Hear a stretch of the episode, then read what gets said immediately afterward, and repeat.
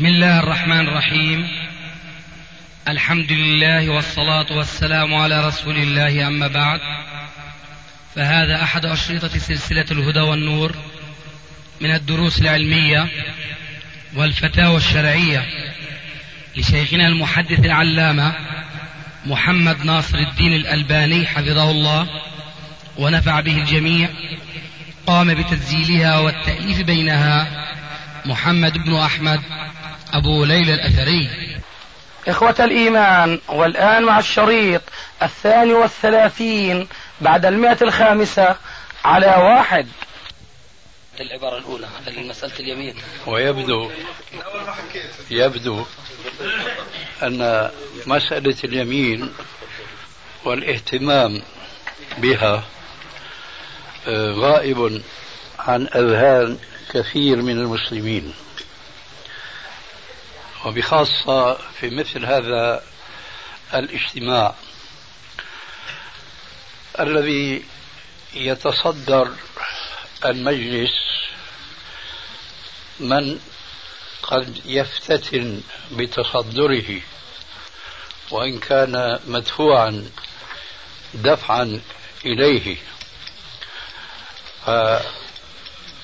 قد يساعد على افتتانه أن يخالف المهتمون ولا أقول المحتفون به بالبدء بإسقائه دون أن يبدأ الساقي من عن يمينه. هذه فتنة وذلك من ناحيتين اثنتين. أه تظهران مما سبق من الكلام. الناحية الأولى أنه تصدر المجلس وصدور المجالس كما جاء في الحديث اتقوا هذه المذابح. فتصدر المجالس هو ذبح من أنواع الذبح الذي منه المدح هو الذبح. المدح هو الذبح. كررها عليه الصلاة والسلام ثلاث مرات.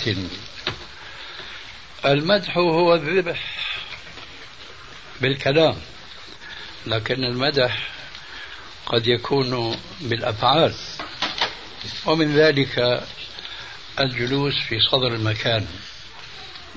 فهذه فتنة هذه في الحقيقة فتنة.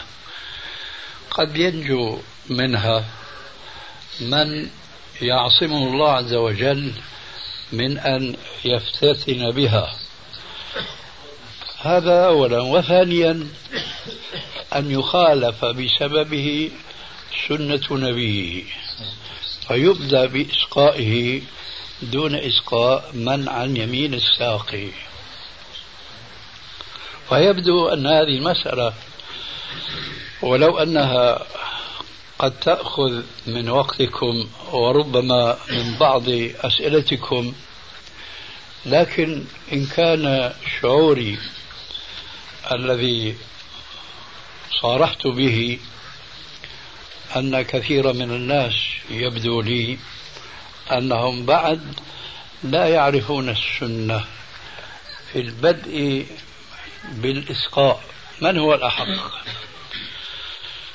ويساعدني على هذا الظن أنني حيثما حللت من المجالس أرى الإخلال بهذه السنة والسبب في ذلك أن الغالب على آراء كثير من العلماء والفضلاء في العصر الحاضر هو أن الساقي يبدأ بكبير القوم ثم بمن عن يمينه. هذا هو السائد. وهذا بلا شك يساعد على انتشار مخالفة القاعدة النبوية الكريمة التي آه، نص عليها عليه الصلاة والسلام في أحاديث عامة وفي حديث خاص وهو الذي نحن الآن في صدده. فالبدء بكبير القوم لأولئك الكبار الذين يذهبون إلى هذا البدء شبهة ظاهرها قوية. ولكن الباحث الفقيه المسلم إذا تأمل في الحديث الذي هم يحتجون به فسرعان ما سيتبين له وضوحا لا غبار فيه أن الأمر ليس كما يقولون. إن هذه الشبهة هي ما جاء في صحيح البخاري ومسلم من حديث أنس بن مالك رضي الله تعالى عنه أن النبي صلى الله عليه وآله وسلم أتى دار قوم وفي رواية أنها دار أنس. فأتي بقعب فيه لبن قد شيب بماء فشرب عليه الصلاة والسلام. وبقيت فيه بقية وكان عن يمينه أعرابي.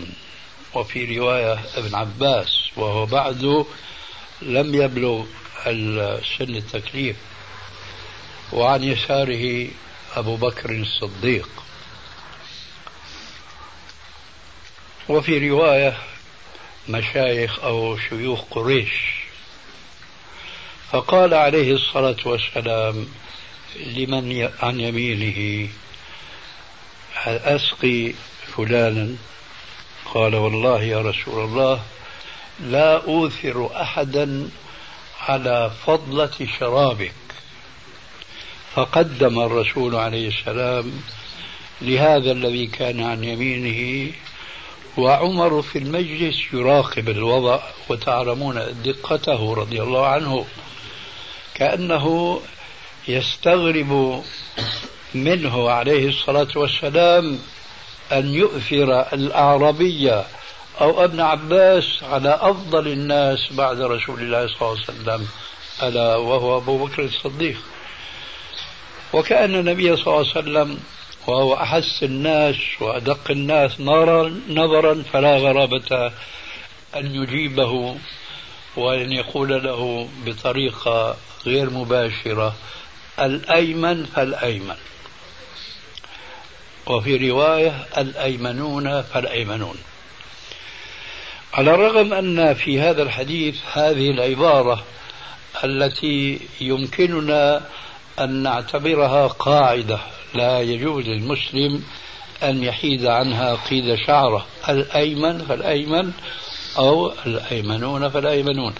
على الرغم من هذا النص الصريح فشبهة أولئك الناس هو أن الساقي بدأ بالنبي صلى الله عليه وآله وسلم فمن هنا قالوا ما قالوا أن الساقي يبدأ بكبير القوم ثم بمن؟ عن يمينه.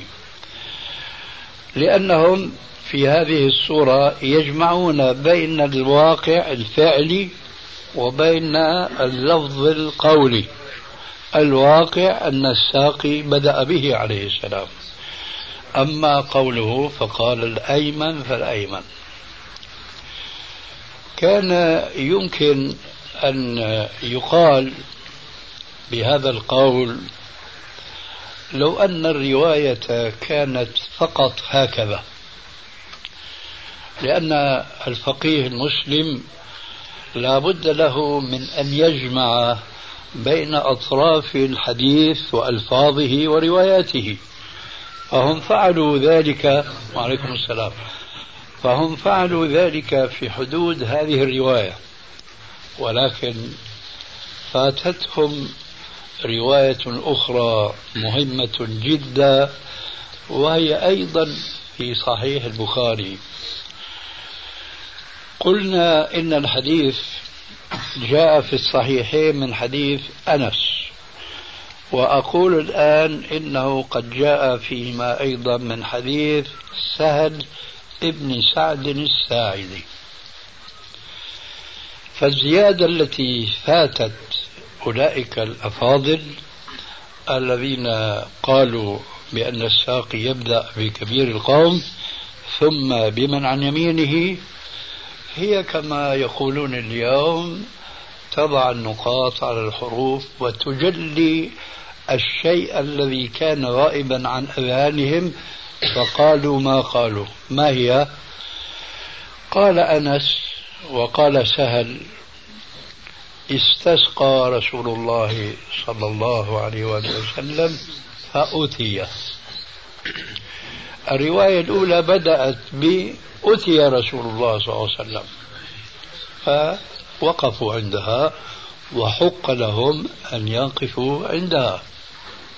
لكن الرواية الثانية كأنها تجيب عن سؤال قد يلقى في بعض النفوس أو القلوب. لماذا بدأ الساقي بالنسبة للرواية الأولى؟ لماذا بدأ الساقي بالرسول عليه السلام؟ يأتي الجواب في الرواية الثانية. استسقى رسول الله صلى الله عليه وآله وسلم فأتي. إذا الجواب لماذا بدأ؟ لأن الرسول عليه السلام استسقى أي طلب السقيا طلب أن يشرب. هذه مفتاح حل المشكلة ودفع الشبهة. استسقى رسول الله صلى الله عليه وسلم فأتي. وحينئذ فقوله عليه السلام في الرواية الأولى والأخرى الأيمن فالأيمن أو الرواية الأخرى الأيمنون فالأيمنون فالأيمنون تصبح قاعدة مطلقة تشمل كل شخص كان كبيرا أو صغيرا عالما أو غير عالم. فإذا كان عن يمين الساقي من كان ولو أعرابيا فينبغي على الساقي أن يبدأ به وهكذا على التسلسل. ولا يقال والحالة هذه بعد هذا البيان لا يقال الحديث يقول أن الساقي بدأ برسول الله صلى الله عليه وسلم لأن الجواب عرفتموه أن بدأه به إنما كان لأنه طلب السقيا وهذا أمر واضح جدا. يؤكد ذلك أمران اثنان. أحدهما أن النبي صلى الله عليه وآله وسلم حينما أتي له بالقعب الذي فيه الماء خليطا بالحليب فشرب. وبقيت فيه بقية. ينظر عن يمينه فيجد ابن عباس أو الأعرابي وينظر عن يساره فيجد أبا بكر الصديق. فمن الساقي الآن؟ آه الذي أعطى الرسول الكأس القعب أم الساقي هو الرسول عليه السلام نفسه؟ لا شك أن الإسقاء انتقل من الساقي الأول إلى النبي صلى الله عليه وسلم لأن الكأس الآن في يده الكريمة. هو يستأذن ممن كان عن يمينه لأن عن يساره كبير القوم. لماذا يستأذن؟ لأنه يريد أن يضع هذه القاعدة الأيمن فالأيمن.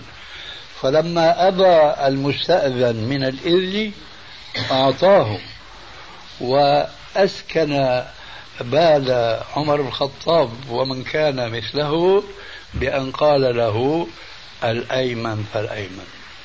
إذا الرسول طبق القاعدة هو بنفسه حينما صار ساقيا ما بدأ بكبير القوم كما هم القوم اليوم يفعلون. وإنما بدأ بالصغير ولكن لفت نظر الصغير إلى أدب ممكن أن نسميه بأنه أدب إسلامي وهو الإيثار. لعله يؤثر أبا بكر الصديق على نفسه على قاعدة قوله تعالى ويؤثرون على أنفسهم ولو كانت بهم خصاصة. ولكن هنا تتدخل العواطف الإسلامية القوية وتتمثل هذه العاطفة في قول ابن عباس والله يا رسول الله لا أوثر أحدا أي ولو كان أبا بكر على فضة شرابك فأعطاه وقال الأيمن فالأيمن هذا هو الأمر الأول الذي يؤكد الأمر الآخر هذا هو الأمر الآخر الذي يؤكد الأمر الأول حيث قلنا إنما بدأ الساقي به عليه السلام لأنه استسقى وليس لأنه كبير القوم لأنه لو كانت العلة بالبدء بكبير القوم بالبدء من الساقي بكبير القوم لطبق الرسول عليه السلام حينما صار هو ساقيا ولسقى أبا بكر. فإذا لم يفعل إذا هذه العلة ليست علة شرعية. أي البدء بكبير القوم ليست علة شرعية والعلة الشرعية هي الأيمن فالأيمن. الشيء الثاني الذي أردت أن أقوله بعد هذا الشيء الآخر وهو أن الرسول عليه السلام طبق القاعدة بين ابن عباس وبين أبي بكر. الشيء الثاني منهما أن الساقي لما بدأ بالإسقاء بالرسول عليه السلام بالإضافة إلى ما ذكرناه أولا أن ذلك كان بسبب أنه استسقى. وهناك شيء آخر ينبغي أن نلاحظه وهو أن هذا الساقي لم يأتي بوعاء ممتلئ شرابا فيريد أن يسقي منه جميع الحاضرين. وأنتم تعلمون جميعا إن شاء الله بأن أصحاب النبي صلى الله عليه وسلم كانوا غير موسع عليهم في الطعام وفي الشراب. خاصة شراب الحليب. فلم يكن في ذلك البيت في ذلك الدار دار أنس بن مالك من الحليب ما يتسع لتوزيعه على جميع الناس الحاضرين. فلم يكن هناك إسقاء بمعنى شمول جميع الحاضرين كما يقع اليوم بالنسبة لإسقاء القهوة أو الشاي أو أي شراب آخر. فإذا هذا يؤكد أن البدء به عليه السلام لم يكن إلا لطلب منه وإلا كان يأتي بما يتسع لإسقاء الجميع وذلك غير متسع لديهم يومئذ. إذا عرفنا هذه الحقيقة فأرجو أن لا تنسوا هذه السنة التي آه، ماتت مع الزمن وتورط بمخالفتها بعض من لم يحط بألفاظ الحديث ولم يطلع على ذلك اللفظ استسقى رسول الله صلى الله عليه وسلم ثم لم يتنبه لما يؤيد هذا المعنى الذي يؤخذ من الاستسقاء من استسقاء الرسول عليه السلام. وبذلك نحيي سنة من سنن النبي صلى الله عليه وسلم التي من أحياها فله أجرها وأجر من عمل بها إلى يوم القيامة. كما جاء في الحديث الصحيح المعروف إن شاء الله لدى الجميع. من سن في الإسلام سنة حسنة فله أجرها وأجر من عمل بها إلى يوم القيامة دون أن ينقص من أجورهم شيء. هذا معنى الحديث من سن في الإسلام سنة حسنة وليس معناه من ابتدع في الإسلام بدعة حسنة. وإنما المعنى كما قلت قبل أن أذكر الحديث من أحيا سنة قد أميتت من بعدي وكان بودي. أن أقول قال رسول الله صلى الله عليه وسلم من أحيا سنة أميتت من بعدي ولكن علمي بضعف هذا اللفظ لهذا الحديث لا يسمح لي أن أنسبه إلى النبي صلى الله عليه وسلم ولا سيما وفي الحديث الصحيح غنية عن الحديث الضعيف. من سن في الإسلام سنة حسنة يغنينا عن اللفظ الضعيف من أحيا في الإسلام سنة. آه، أضيف إلى ما سبق لتكون الكلمة جامعة إن شاء الله أن هذه السنة كثيرا ما آه، تكون سببا لإبعاد بعض النفوس عن أن يلقى فيها ما لا ينبغي أن يلقى فيها من الحقد أو البغض أو الحسد. فقد يجتمع في بعض المجالس أكثر من رجل فاضل فيحار الساقي بأي هؤلاء الأفاضل يبدأ. ثم كما يقولون اليوم بيتوكل على الله وبيبدأ بأحدهم. فيكون مخطئا بالنسبة لقاعدة كبير القوم. وبخاصة إذا كان الكبراء هو من أكابر مجرميها كما يبتلى المسلمون كثيرا بحضور بعض الرؤوس وهم لا يعرفون سنة بل قد لا يعرفون حراما وحلالا. فماذا يفعل هذا الساقي المسكين هذا الساقي المسكين يجتهد. ربما ينغر ببعض النجوم مثلا أو ببعض الوجوه فيبدأ بها فيظهر أنه أخطأ وما أصاب فيصير في نفوس بعض من يكون أكبر من الذي بدأ به تساؤل لماذا قدمه علي؟ وهذا يقع. لا أقول في مثل نفوس هؤلاء الرؤساء بل قد يقع مثله في نفوس بعض من يظن أنه من العلماء لأننا مع الأسف الشديد في كل يوم نرى عبرا كثيرة وكثيرة جدا ما كنا نتصور أن تصدر ممن يشار إليه بالبنان أنه من العلماء. فحينما يبدأ الساقي بيمينه تنحل المشكلة. كما يقولون اليوم أوتوماتيكيا. وما أحد يستطيع أن يقول لماذا بدأ وبخاصة إذا بدأ بصبي أو بخادم أو إلى آخره.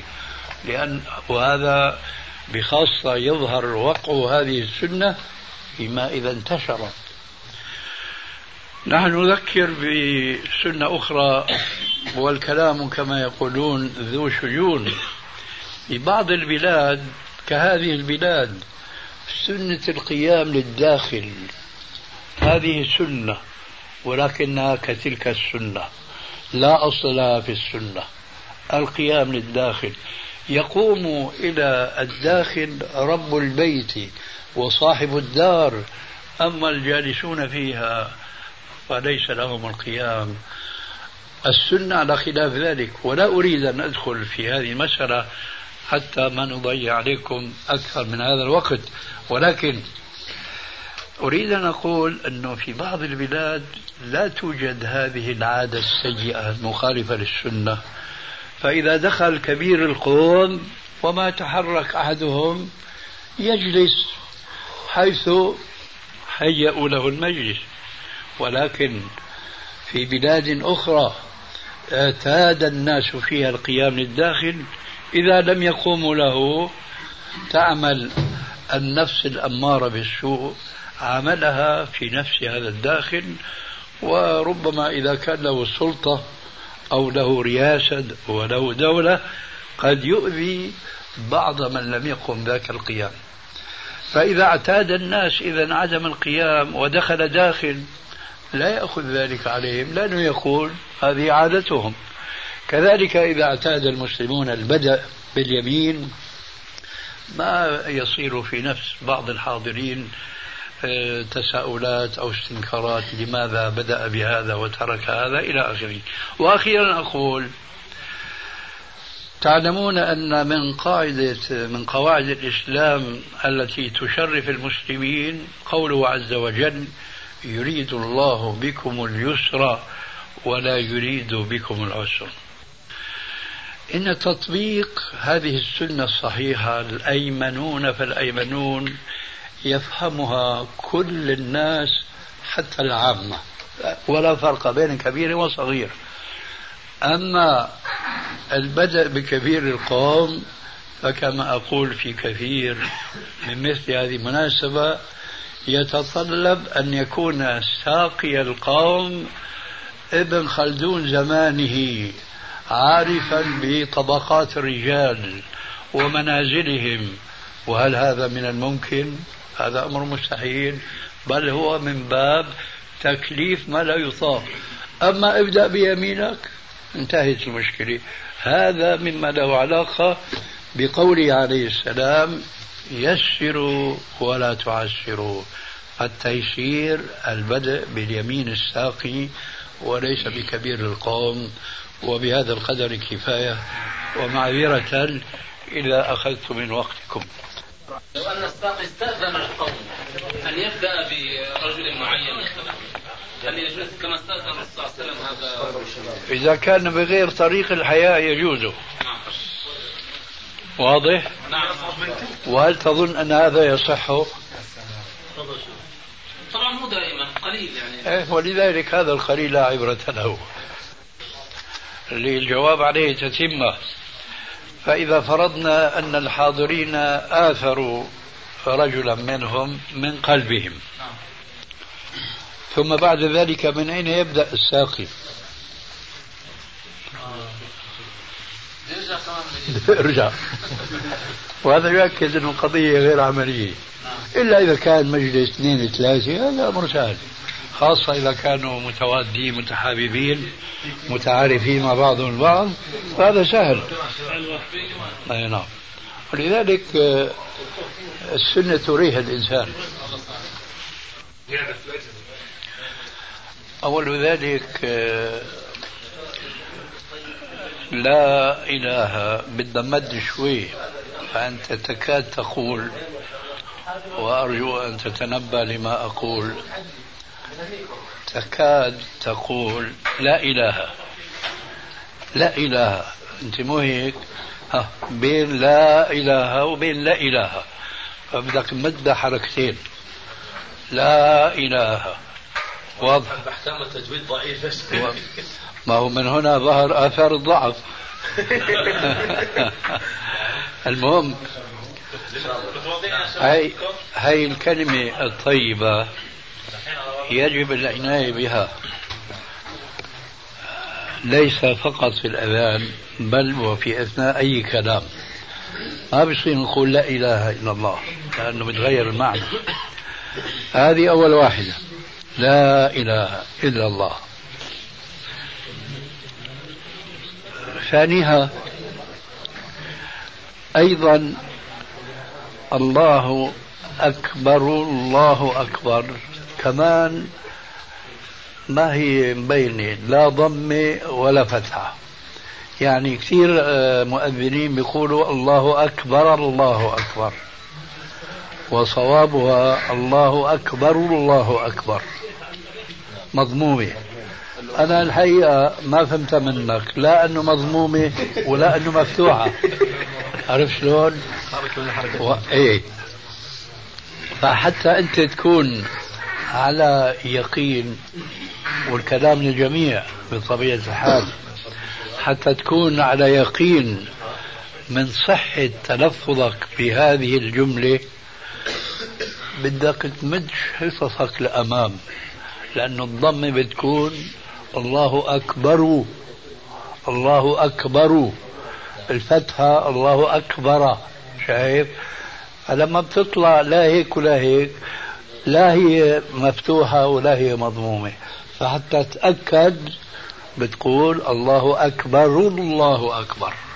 واضحة هذه ثانية والثالثة ولعلها الأخيرة.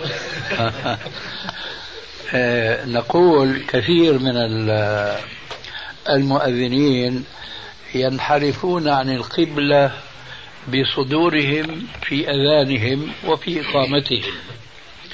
وهذا خلاف السنة.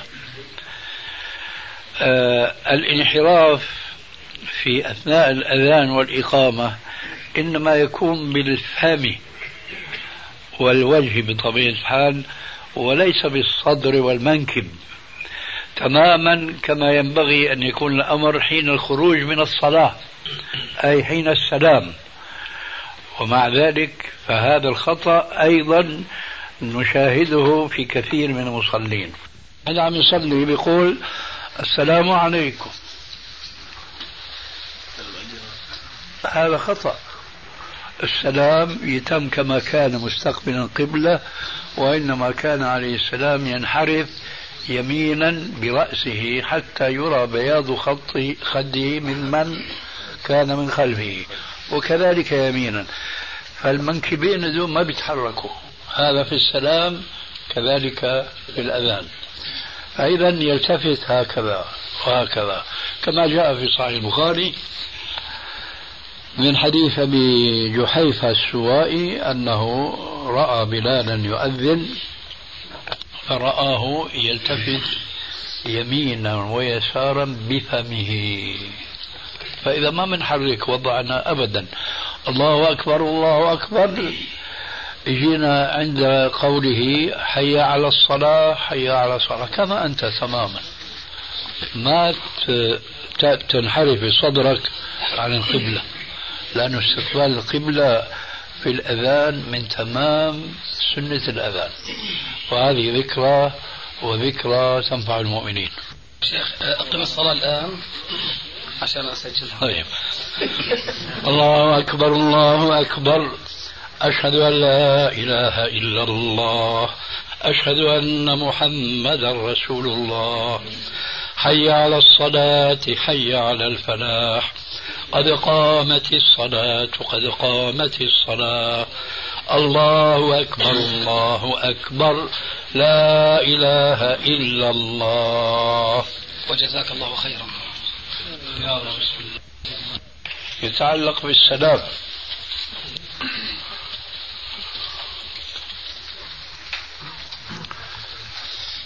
المعروف في هذه البلاد أن المقتدين بالإمام لا يباشرون الخروج من الصلاة بالسلام إلا بعد أن ينتهي الإمام من التسليمة الثانية.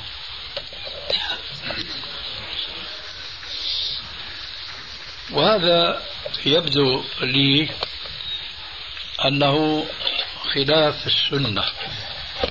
وأقول يبدو لأني أعني ما أقول.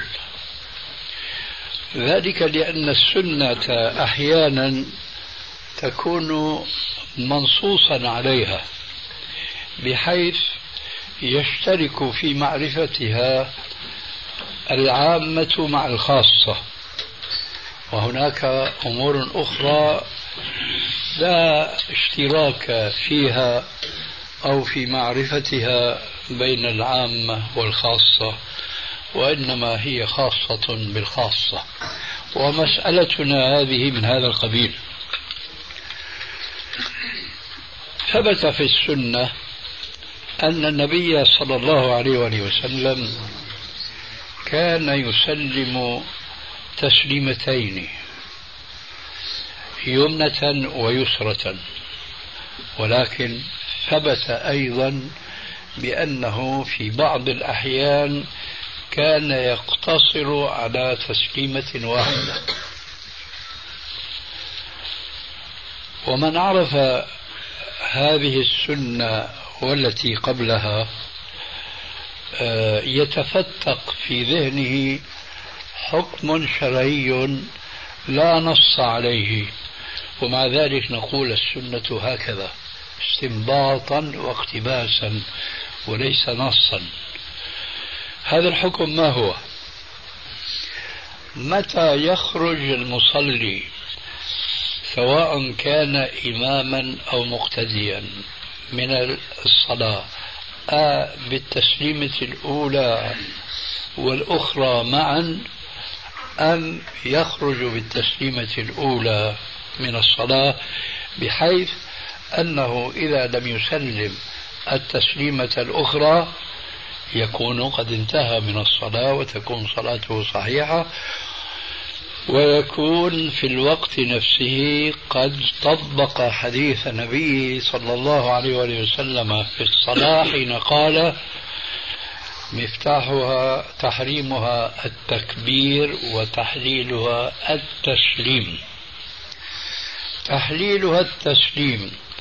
هل نفسر هنا التسليم بتسليم مرتين أم التسليم مرة واحدة الجواب على التفصيل السابق وهو أنه عليه السلام كان تارة يسلم تسليمتين وتارة كان يسلم تسليمة واحدة. فإذا المصلي قال السلام عليكم. كيف حالك؟ صحت صلاته ولا لا؟ صحت صلاته. لماذا؟ لأنه خرج من الصلاة بالسلام. أما لو لم يكن لدينا الحديث الثاني أن النبي صلى الله عليه وسلم كان يقتصر أحيانا على التسليمة الواحدة حينئذ ينعكس الحكم الشرعي السابق السلام عليكم كيف حالك؟ بطلت صلاتك. لأنك ما خرجت بعد من الصلاة. أما وقد صح أن النبي صلى الله عليه وسلم سلم تسليمة واحدة فأنت الآن خرجت من الصلاة. وانتهت الصلاة بتحريمها وتسليمها. إذا كان الأمر كذلك. وابتليتم يوما ما بإمام مثلي لا أقول يفجأكم قد يفجأكم. بقوله السلام عليكم وبيسكت شو بتسووا أنتم تنتظروا. تنتظروا. التسليم الثاني. لما هكذا اعتدتم. والآن شاهدنا هذا بمن كان يبلغكم انتقالاتي وتكبيري وتسليمي حيث أنه لم يقل هو بدوره السلام عليكم يمنة ويسرة إلا بعد ما أنا سلمت التسليمة الثانية فهو ذكرني بهذا الواقع هذا الواقع فوجب علي أن أنبهكم عن هذا الواقع أنه خلاف السنة. فلا تنتظروا الإمام حتى يشرع في التسليم الثانية وينتهي منها فتبدأون أنتم. لا. إذا قال السلام عليكم فقولوا السلام عليكم. ثم إذا فن ففنوا أنتم بعده معه. ومما يؤكد لكم هذا المبدأ العام الذي أسسه وقعده عليه الصلاة والسلام بقوله إنما جعل الإمام ليؤتم به. ثم فصل ويرحمك الله. ثم فصل لنا تفصيلا فقال فإذا كبر فكبروا وإذا ركع فاركعوا وإذا قال سمع الله لمن حمده فقولوا ربنا ولك الحمد وإذا سجد فاسجدوا. وإذا صلى قائما فصلوا قياما وإذا صلى جالسا فصلوا جلوسا أجمعين. الشاهد من هذا الحديث فيما يتعلق بمسألتنا هذه هو إذا كبر فكبروا. نعود. فإذا سلم فانتظروا أم فسلموا؟ إذا فسلموا. فنحن نفهم لغة أن إماما حينما قال السلام عليكم. وأراد أحد العرب الأقحاح الذين لم تدخلهم العجم بعد أن يعبر عن هذا الذي سمعه. هل يقول سلم الإمام ولا ينتظر انتظاركم التسليمة الثانية؟ يقول سلم الإمام. إذا على وزان قول عليه السلام إذا كبر فكبروه. على ذلك نقول وإذا سلم فسلموا. فإذا سلم التسليمة الأولى فسلموا. وإذا سلم التسليمة الثانية فسلموا. وإذا لم يسلم فلا تسلموا. لأن هذا هو معنى الاقتداء بالحديث السابق إنما جعل الإمام ليؤتم به. ومعذرة فلي وآسف أن أقول لي لعدم تيسر لي مثل هذا اللقاء يبدو لي خواطر آه، أستوحيها من هذا الواقع. والكلام بجر كلام والكلام ذو شجون. قوله عليه السلام في الحديث فإذا كبر وكبروا وإذا ركع فاركعوا وإذا قال سمع الله لمن حمده فقولوا ربنا ولك الحمد. الآن بعض الناس يطبقون هذا الحديث حرفيا. إذا قال الإمام سمع الله لمن حمده يقولون هم ربنا ولك الحمد هل هذا صواب؟ نقول ليس صوابا بل هو خطأ. وهذا يساوي مسألة أخرى. جاء الحديث الصحيح كهذا فيها. وهو قوله عليه السلام وإذا قال الإمام غير المغضوب عليهم ولا الضالين فقولوا آمين. بعض العلماء للمذهب المالكي لا يرون من السنة تأمين الإمام. اعتمادا منهم على هذا الحديث الأخير. إذا قرأ الإمام غير المغضوب عليهم ولا الضالين قال فقولوا آمين. ما قال؟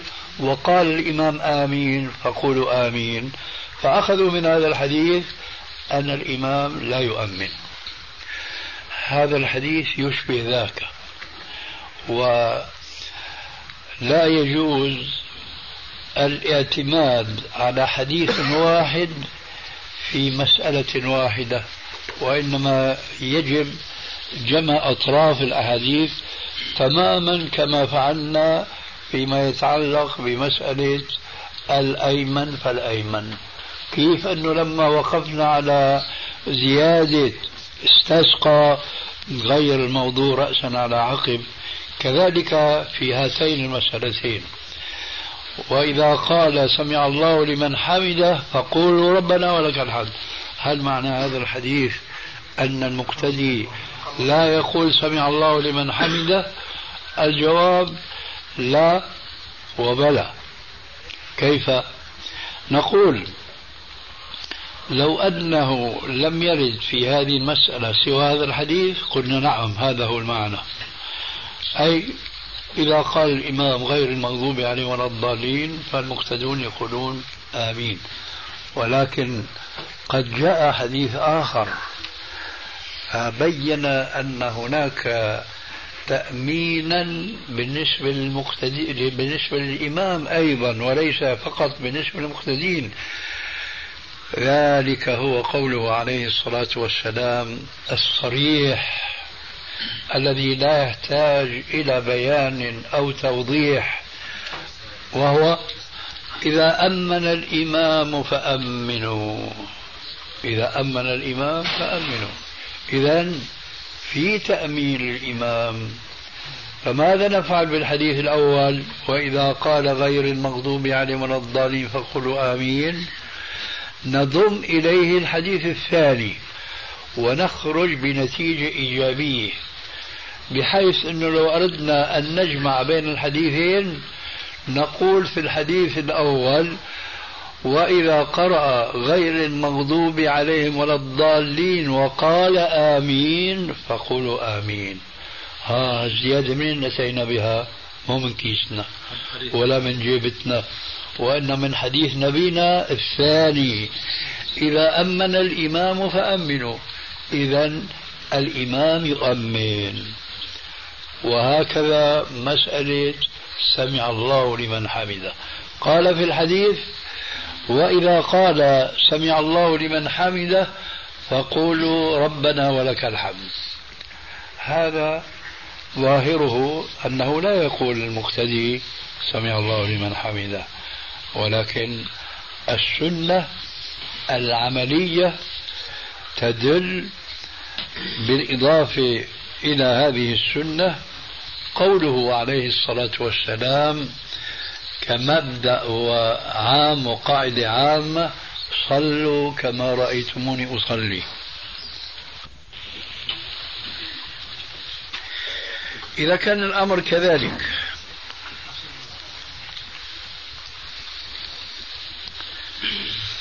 فكيف كانت صلاة النبي صلى الله عليه وآله وسلم؟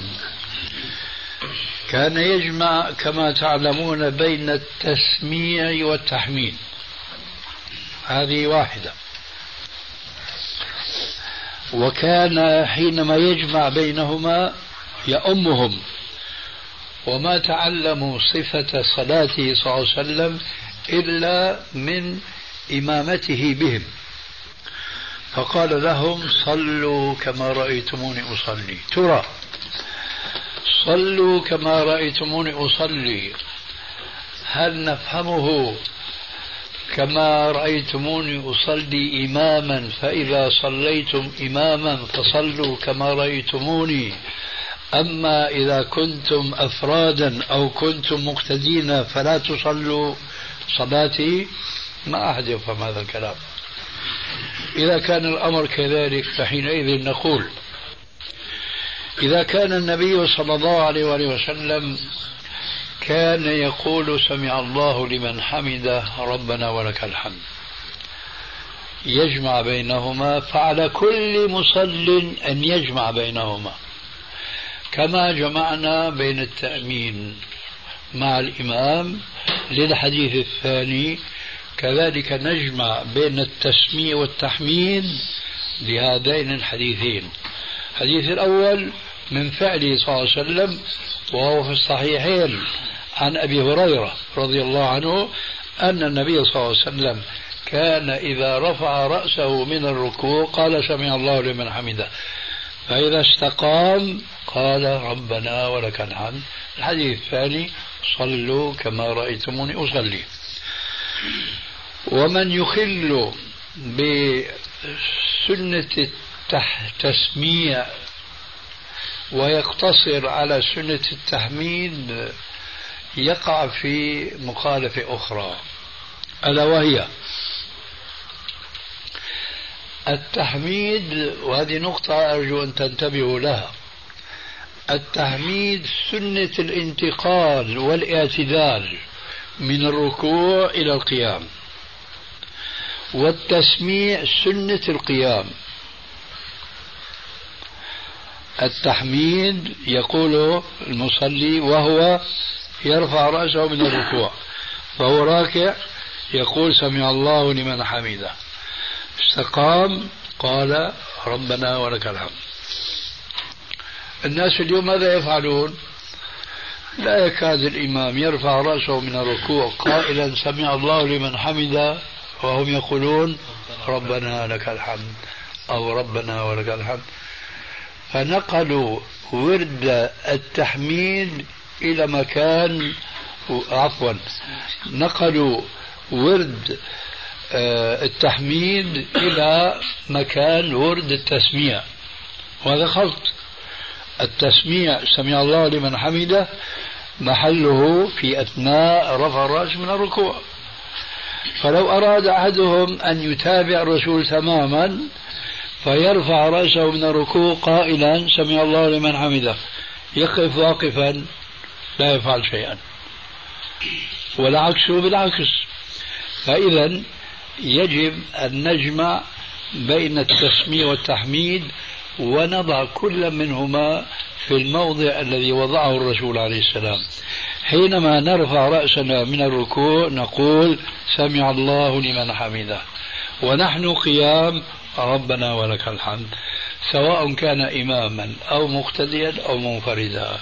والآن اشرعوا في أسئلتكم. اليمين الشيخ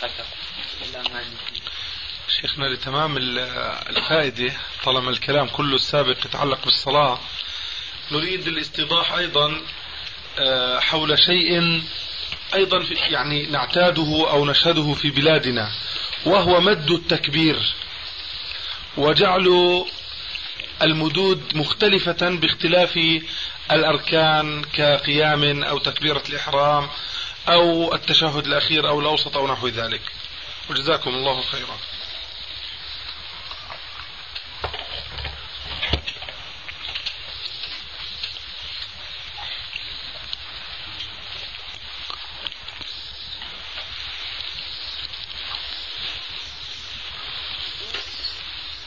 هذه حقيقة مسألة لا نعهدها في السنة. وإن كانت جاءت في بعض كتب الفقه وبصورة خاصة الفقه الشافعي. وأنا كما يقال إن أنسى فلا أنسى إماما عندنا في دمشق. كان يصلي في المسجد الذي كان جاري في الدكان. كان متعصبا لمذهب الشافعي ويقول لا أقول الإمام الشافعي وإنما بعض أتباعه أنه ينبغي على الإمام أن يمد التكبير من الركن إلى الركن. يريد مثلا أن يسجد بعد رفع رأسه من الركوع فيظل يقول الله أكبر حتى يضع رأسه ساجدا. وهذه مقبولة بعض الشيء من حيث الطول لكن اللي بيلفت النظر تماما؟ هو شيئان. في المذهب الشافعي هذه المسألة التي لا نعهدها في السنة. وعندهم مسألة أخرى هي من السنة ويغبطون عليها وهي جلسة الاستراحة.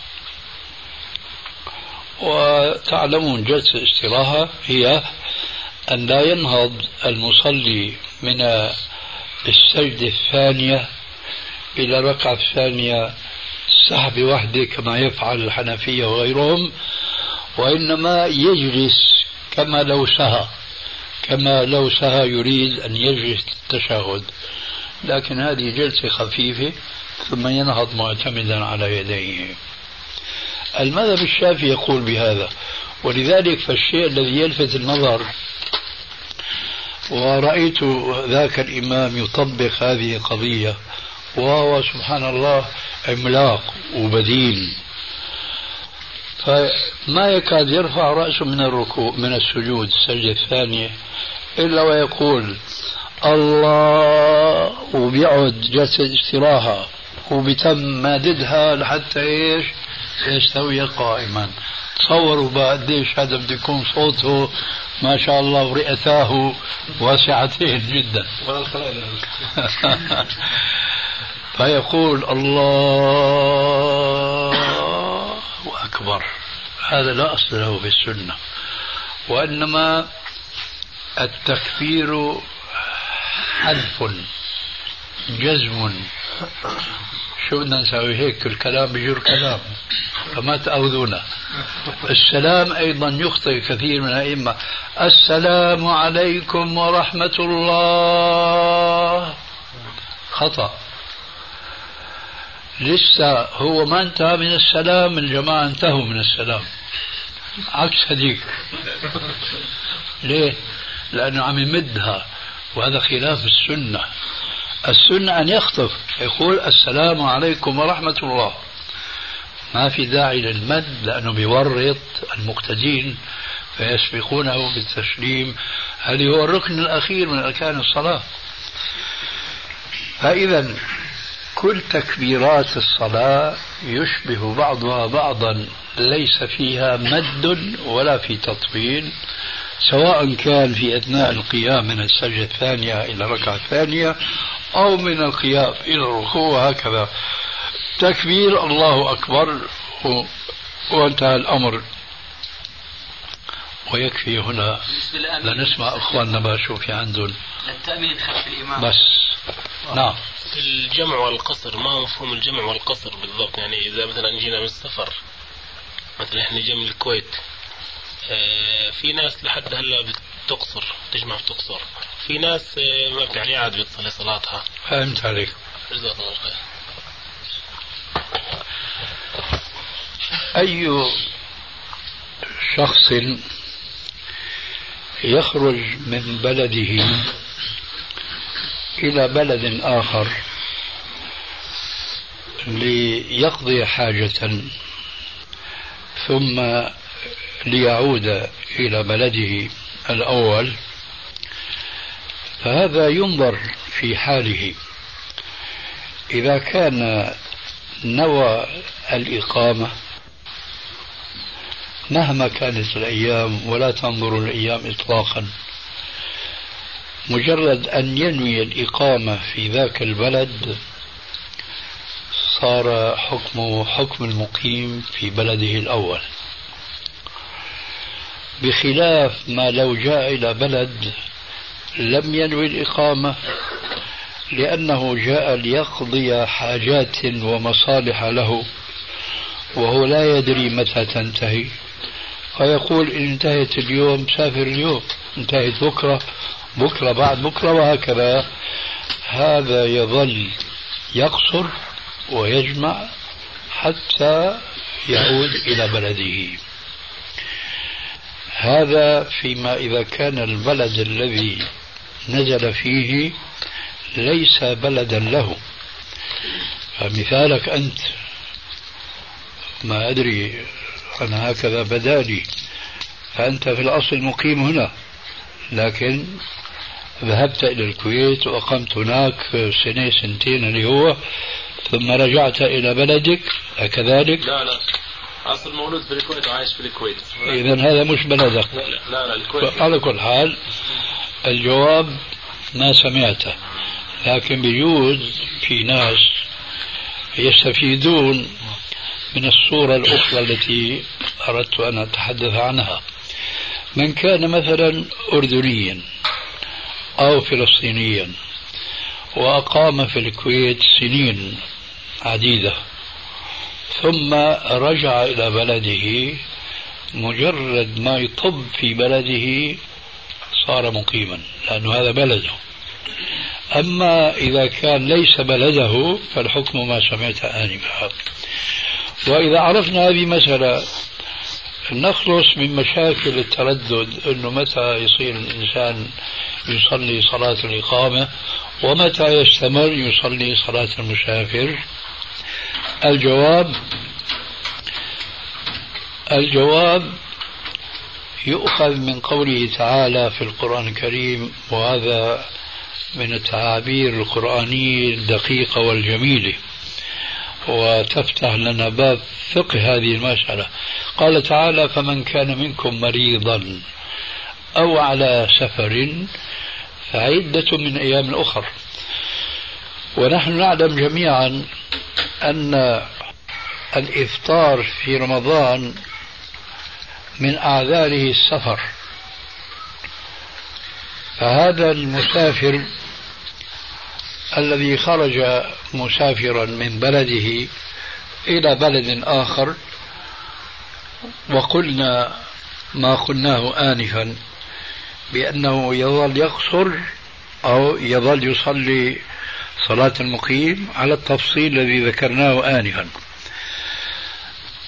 فكذلك إذا كان مسافرا وأراد أن يفطر في رمضان فله ذلك بنص الآية القرآنية. لكن هذه الآية تعطينا مبدأ فهم المسألة ولو هي متعلقة بالصيام لكن الصيام مع الصلاة سلبا وإيجابا. إن قصرت أفطرت وإن أتممت صمت. فهنا يقول الله فمن كان منكم مريضا أو على سفر لاحظوا الآن كلمة أو على سفر الشخص الذي جاء إلى البلد وكان يتردد أنه يسافر اليوم ولا بكرة ولا بعد بكرة لأنه ما يدري متى تنتهي حاجاته. هذا يصدق عليه تماما أنه على سفر. أما من جاء واستقر به الأمر وهو له مصالح وهو ناوي العودة لكن نوى الإقامة ريثما تنتهي مصالحه. وهو ليس كالأول يتردد بين يسافر اليوم أو بكرة أو, أو إلى آخره. هذا لغة لا نستطيع أن نقول عنه إنه على سفر. بخلاف الأول فهو على سفر. إذا من صدق عليه أنه على سفر فهو الذي يقصر ويجمع ويفطر رمضان إن شاء. إخوة الإيمان تتمة الكلام في الشريط التالي. أقول في الإفطار إن شاء لأن الإفطار في رمضان بالنسبة للمسافر يختلف عن القصر ويلتقي مع الجمع. الجمع بالنسبة للمسافر رخصة. كذلك الإفطار في رمضان بالنسبة للمسافر رخصة. أما القصر فعزيمة. لا بد من ذلك. لهذا جمعنا بين الرخصة